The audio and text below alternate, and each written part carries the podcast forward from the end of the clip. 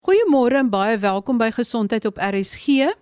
Vanoggend gesels ons oor tabak, sigarette, die ekonomie en gesondheid.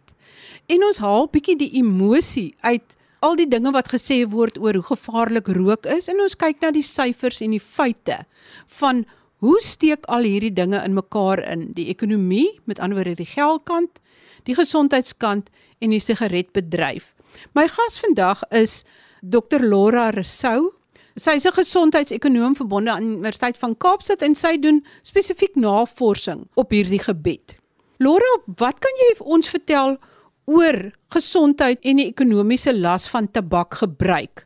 Hoe lyk die prentjie daar?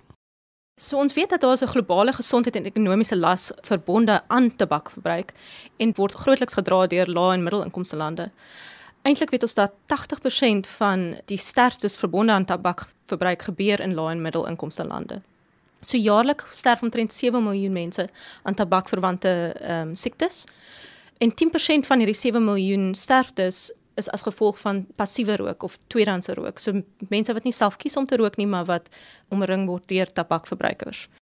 Ons voorspel dat hierdie syfers gaan verhoog en teen 2030 behoort omtrent 8 miljoen mense jaarliks te sterf aan tabakverwante siektes. Wat die groot getal sterf so frustrerend maak is die feit dat dit so 'n voorkombare oorsaak van mortaliteit is. En ons weet dat daar is baie navorsing reeds gedoen oor die tipe beleid wat jy kan implementeer om rooksyfers te verminder en hierdie siektes te voorkom. Het jy spesifieke syfers oor Suid-Afrika?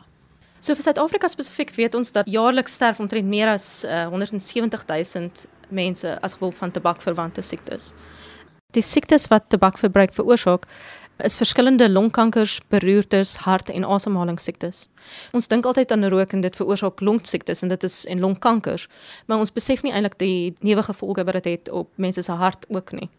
Dan is daar natuurlik die impak wat hierdie verlaagde lewenskwaliteit het en die behandeling van die siektes wat dit ook op die openbare gesondheidstelsel het. Kan jy dalk 'n paar syfers daaroor gee of bevindinge van navorsing daaroor toelig? Ek dink as mens dink aan die gesondheidskoste van rook, dink ons net aan die gesondheidskoste vir die individu self. En dis waar dit dra ongelooflike swaar kostes. Daar's die die mediese onkoste van hospitale besoek of om nie te kan werk nie.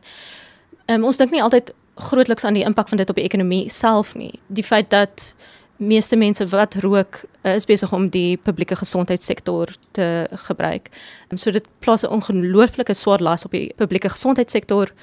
Indien jy siek word van rookverwante siektes, kan jy nie noodwendig werk nie. So jy haal jouself uit die ekonomie uit, so daar's produktiwiteitsverlies ook. En dan is ook verskriklik baie mense wat sterf in die jare wat hulle werklik kan bydra tot die ekonomie. So as jy dink aan die kostes wat rook dra, is dit nie net die die direkte gesondheidskoste nie, maar ook hierdie verlies aan produktiwiteit. En ons weet dat daar was al globale uh, kwantifisering van hierdie waardes en eintlik Suid-Afrika spesifiek ook. So ons weet dat as ons al daai kostes bymekaar tel, dan is dit die waarde ekwivalent aan 1.8% van die wêreld se bruto binnelandse produk. En ons by die universiteit is eintlik heidaglik besig met 'n studie om hierdie spesifieke koste vir Suid-Afrika te kwantifiseer maar daar was al van tevore studies gedoen. En ons is steeds besig om aan die kostes te werk, maar dit lyk by oomblik asof die waarde is ekwivalent van 1% van die land se bruto binnelandse produk. Um, en ek dink hierdie is nogals veral belangrik as jy dink aan die feit dat Suid-Afrika wil beweeg na 'n nasionale gesondheidstelsel en die tipe druk wat dit plaas op die gesondheidstelsel. So wat kan daar dan gedoen word? Is daar maniere wat dit verminder kan word? So daar's reeds verskriklik baie navorsing gedoen oor wat uh, gedoen kan word om tabakverbruik te verminder. En al wat nou moet gebeur is regtig dat ons met die regerings motiveer om verskillende tipes beleid toe te pas. En ons weet dat die mees koste-effektiewe uh, strategie is om die aksiesbelasting op tabak te verhoog. En dit word regtig gesien as 'n wen-wen beleid. Want eersins verlaag dit tabakverbruik, maar ook um, is dit 'n baie goeie vorm van van inkomste vir die regering. So dis nog 'n vorm van inkomste wat kan bydra tot die nasionale gesondheidsversekering. As ons noem dit 'n wen-wen beleid. Daar's natuurlik ander maatreëls wat ook nog ons in plek gestel kan word om rook heeltemal te verbied. Heidiglik mag mens in sekere areas in publieke ehm um, spasies rook. Uh, restaurante mag omtrent 25% van hulle spasies uh, mag mens nog rook. So om totale verbod te sit op uh, beroep op publieke spasies sal 'n baie goeie um, volgende stap wees. Ook ons weet dat 'n sigaretmaatskappye mag nie meer adverteer nie, maar daar is nog steeds baie indirekte maniere hoe mense kan bemark. Mense kan bemarking by toonbanke tentoonstel en ons besef dat dit het nog steeds 'n impak op op die besluite rookbesluite wat vir al tieners maak. So deur 'n verbod op dit te sit, dit sal dit minder aanloklik maak om te rook en dan natuurlik ehm um, wat ons vind in baie ander lande werk is om grafiese waarskuwings op uh, sigaretpakkies te hê. So dit, dit word heidaglik nie geïmplementeer in Suid-Afrika nie, maar in baie ander lande sal jy sien dat daar 'n uh, eh, prentjies is van die nagevolge van rook en dit uh, is nogals afsittend. As ons kyk na wetgewing, hoe vergelyk Suid-Afrika se wetgewing en waar staan ons op die oomblik wat dit betref? In 1994 was Suid-Afrika verskriklik progressief met ons wetgewing. Ons het eintlik toekenninge gewen vir hoe progressief ons was. Ons het belasting verskriklik opgestoot en ons het verskillende maatreëls in plek gestel insluitend verbod op adverteer. Advertensies van rook. Ons was baie progressief. Dit was omtrent waar tot en met 2012 toe momentum op self op hierdie tipe beleid begin stagneer het. Onlangs het of in 2018 het uh die vorige minister van gesondheid, ehm um, Aaron Motsoaledi, Dr. Aaron Motsoaledi het uh 'n nuwe wetgewing getabuleer. Die wetgewing word genoem die uh Control of Tobacco Products and Electronic Delivery Systems Bill. Dit is deur die kabinet aanvaar en dit is toe oopgemaak vir publieke kommentaar en nou wag ons om te kyk watter dele van hierdie wetgewing gaan eintlik aanvaar word en watter dele daarvan gaan dalk nie die kat maak nie. Kan jy vir ons 'n bietjie meer inligting gee oor wat behels hierdie nuwe wetgewing? So hierdie wetgewing is ook ehm um, weer eens verskriklik progressief. Ons sal 'n voorloper wees in Afrika en dit sal 'n baie goeie voorbeeld stel vir die res van die kontinent. Ehm uh, maar dit is eintlik baie progressief wêreldwyd. En ons dink dat dit sal nogals 'n uh, baie goeie bydra lewer om Suid-Afrikaners se gesondheid te beskerm. Een van die maatreëls is om binnehuise rook in publieke spasies heeltemal te verbied. So jy sal glad nie meer in restaurante kan rook nie. Ehm um, wat beteken daai lekkasies van van rookareas in restaurante gaan nie meer almal affekteer nie die ander uh, element van die wetgewing is gestandardiseerde verpakking. So wat ek nou net genoem het van alle pakkies gaan dieselfde lyk. Like, jy sal nie kan bemark op die pakkies nie. Daar sal dalk grafiese waarskuwings daarop wees. En ons het uh, gesien in ander lande soos Australië waar dit geïmplementeer word, dit is verskriklik effektief. Ook weer eens wat ek genoem het van waar hulle by die by toonbanke kan adverteer, dit sal heeltemal verbied word. En dan dink ek die interessantste deel van die nuwe wetgewing is wat om te doen oor e-sigarette. En ek dink dit is iets wat almal oor wonder um, en veral in my veld is dit iets wat die, wat nogals eh, 'n uh, skeiding veroorsaak het. Daar's basies twee groepe mense wat helfte van ons glo dat dit moet heeltemal verbied word keer dit voordat die vraag toeneem en dan is daar 'n ander helfte van ons wat glo dis 'n harm reductive tool. So basies sal dit dalk mense help wat gewone sigarette rook om oor te skakel na e-sigarette toe. Maar die die feit van die saak is ons weet eintlik nie wat die langtermyngevolge is van e-sigarette nie. En as ons kyk na die FSA, sien ons heeltyd gevalle van veral jeug wat sterf as gevolg van uh e-sigaret gebruik. En baie mense wat e-sigarette gebruik, baie groot hoë getal van mense wat e-sigaret gebruik, gebruik eintlik ook gewone sigarette. Ek weet nie dink waar ons almal saamstem is dat dit moet gereguleer word. Dit kan nie aangaan soos wat dit heidaglik aangaan nie. So watse tipe maatstawwe moet ons in plek stel? Ehm um, ons moet kyk dat daar met 'n ouderdomsbeperking wees. Ons kan advertensies daarvan reguleer. Ons kan dit ook soos wat in Brittanje gebeur is, dit is 'n voorgeskrewe mediese produk. So indien jy al vir 40 jaar lank rook en jy sukkel om te om op te hou, dan kan 'n e-sigaret aan jou toegeskryf word. Daar's verskillende beleids opsies. Die ander groot vraag is hoe moet ons dit belas? So die nuwe wetgewing behels al hierdie maniere hoe ons kan e-sigarette reguleer en ek dink dit is regtig baie belangrik dat ons dit baie vinnig doen om te keer dat dit baie meer populêr raak in Suid-Afrika as wat dit heidaglik is. Dit is baie interessant om tog hier op te let en dit is dat ehm um, spesialiste by die Long Instituut van Kaapstad het gesê as mens praat oor die gevaar van sigarette eh, versus e-sigarette, is dit as jy 'n sigaret te rook, is dit asof jy uit 'n 10 verdieping gebou spring en as jy e-sigarette rook, is dit asof jy uit 'n 4 verdieping gebou spring, maar die eindresultaat is dieselfde en ons sien nou die sterftes in Amerika wat erg kommerwekkend is en wat die um, jong mense wat hulle noem popcorn longe kry of vaping longe en wat die longe letterlik ingee en daai mense die enigste hulp wat daar is is as daai jong mense longoorplantings kry.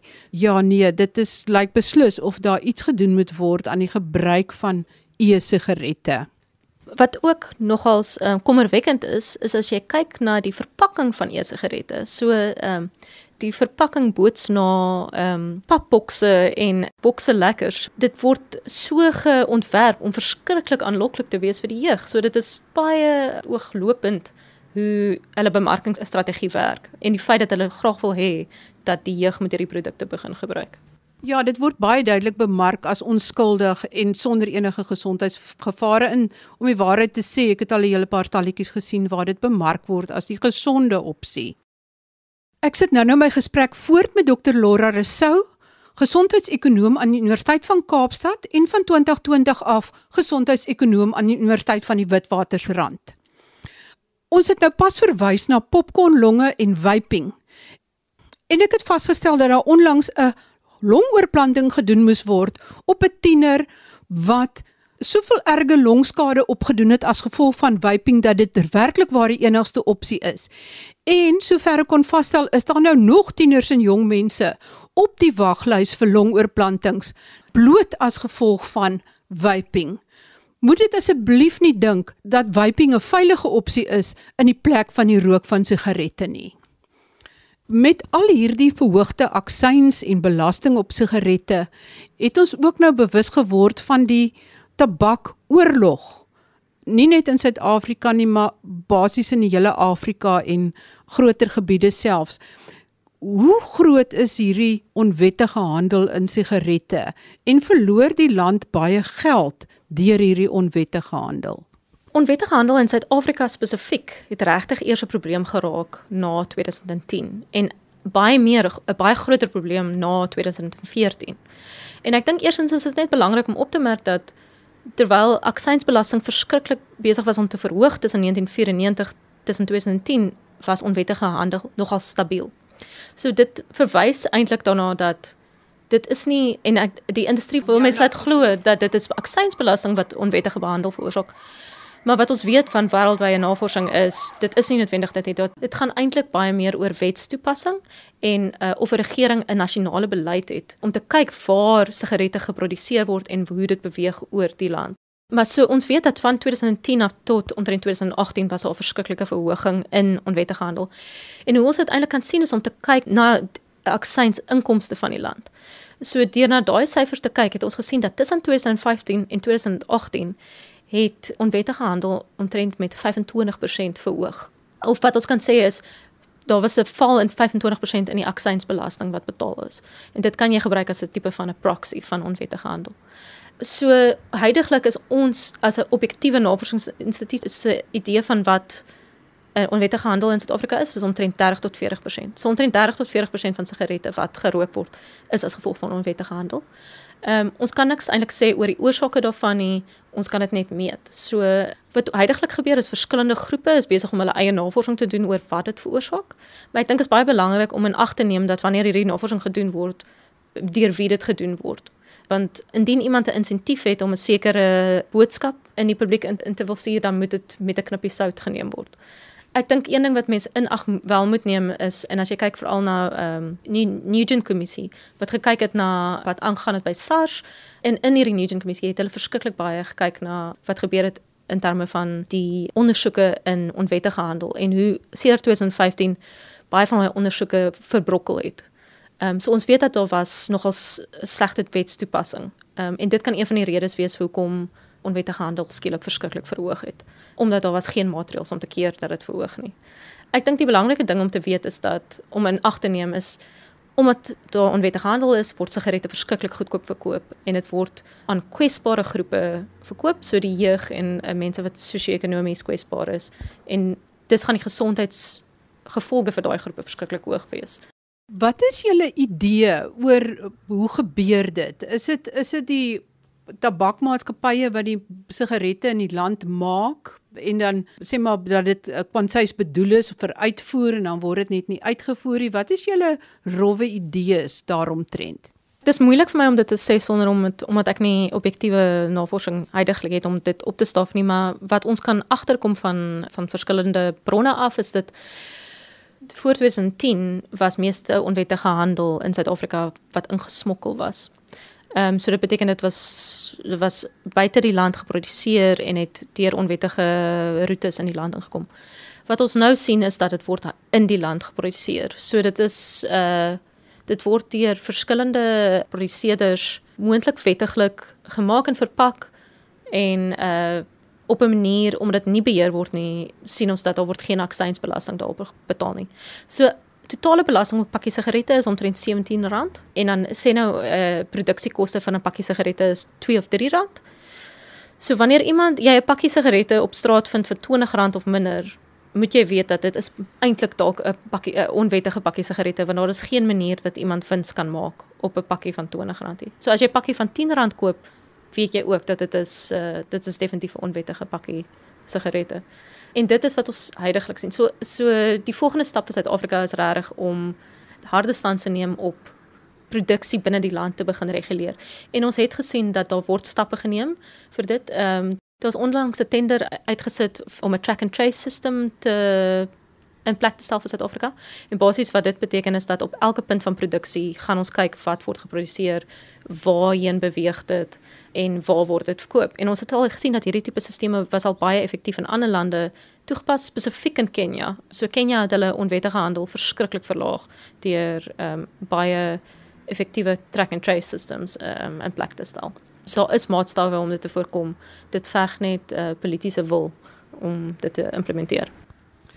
Die grootste ding van onwettige sigarethandel is sekerlik aan die een kant die gebrek aan inkomste vir die staat deur die laer douane en aksies of dit wat omseil word. Maar as sigarette goedkoper en maklik beskikbaar word, dan is dit ook 'n groter gesondheidsrisiko. Verwag julle dat julle 'n uh, impak sal sien dat dit 'n uh, groter las op die gesondheidstelsel sal sit? Ek dink definitief. Wanneer uh, mense rook, is die nagevolge tussen 5 en 15 jaar later eers sigbaar. So ons het nie noodwendig gesien dat daar 'n toename was in rookverbruik nie, maar wat ons nie gesien het nie is 'n val in rookverbruik en dit is wat ons normaal sou verwag. Ons sou verwag dat die impak van rook op 5 of 10 jaar op die gesondheidstelsel minder sou wees. Nou sal ons sien dat dit dalk maar net dieselfde gaan wees as wat uh dit heidaglik is. Ek dink dit is dalk 'n goeie vraag ook vir 'n epidemioloog ehm um, en vir mense wat in die publieke gesondheidstelsel werk wat 'n beter idee het van die spesifieke gesondheidsgevolge. Dokter Sou, as jy kyk na die ehm um, ekonomiese impak van tabak en sigaretgebruik en ook die gesondheidsimpak, wat is die belangrike boodskap wat jy graag sal wil oordra aan die luisteraars met betrekking tot die effek van die uitwerking van rook op gesondheid en die ekonomie? So ek dink, ehm um, as ek dit in een sin moet sê is dit vir my aardig dat hierdie nog steeds so groot gesondheidskwessie is Suid-Afrika en in Suid-Afrika en wêreldwyd. Ons weet al sedert die 1960s dat rook het verskriklike slegte gesondheidsnagevolge en daar's baie ander gesondheidskwessies wat uh, Suid-Afrika tuister. Suid-Afrika is een van die lande met vier gesondheidslaste. Uh, daar's non-communicable diseases, die geweld, uh, daar is HIV en, en tuberkulose en dan sal ook die gesondheid van vroue en kinders wat swaar kry. En so ons weet hoe om te kry dat mense minder rook. Ons weet wat se beleidsmaatreëls werk. Dit is regtig nou tyd dat die Suid-Afrikaanse regering die die regte stappe neem om die gesondheidsgevolge maar ook die ekonomiese gevolge van rook te voorkom. En die fantastiese wetgewing is daar, dit moet nou net deurgevoer word en dan geïmplementeer word. Dan kan ons uiteindelik die ekonomiese en gesondheidsgevolge ehm um, verminder en hopelik uiteindelik ehm um, heeltemal oorkom. Baie dankie aan Dr Laura Resou, gesondheidsekonoom aan die Universiteit van Kaapstad vir die interessante inligting. En hierdie inligting oor onwettige handel is so ontstellend dat dit eintlik 'n tema vir 'n Dion Meyer verhaal kan wees. Dion, ek hoop jy luister. Wanneer ek weer met julle gesels, is dit reeds 2020. Ek wens vir almal wat luister 'n geseënde Kersfees toe. Groete van my, Marie Hudson.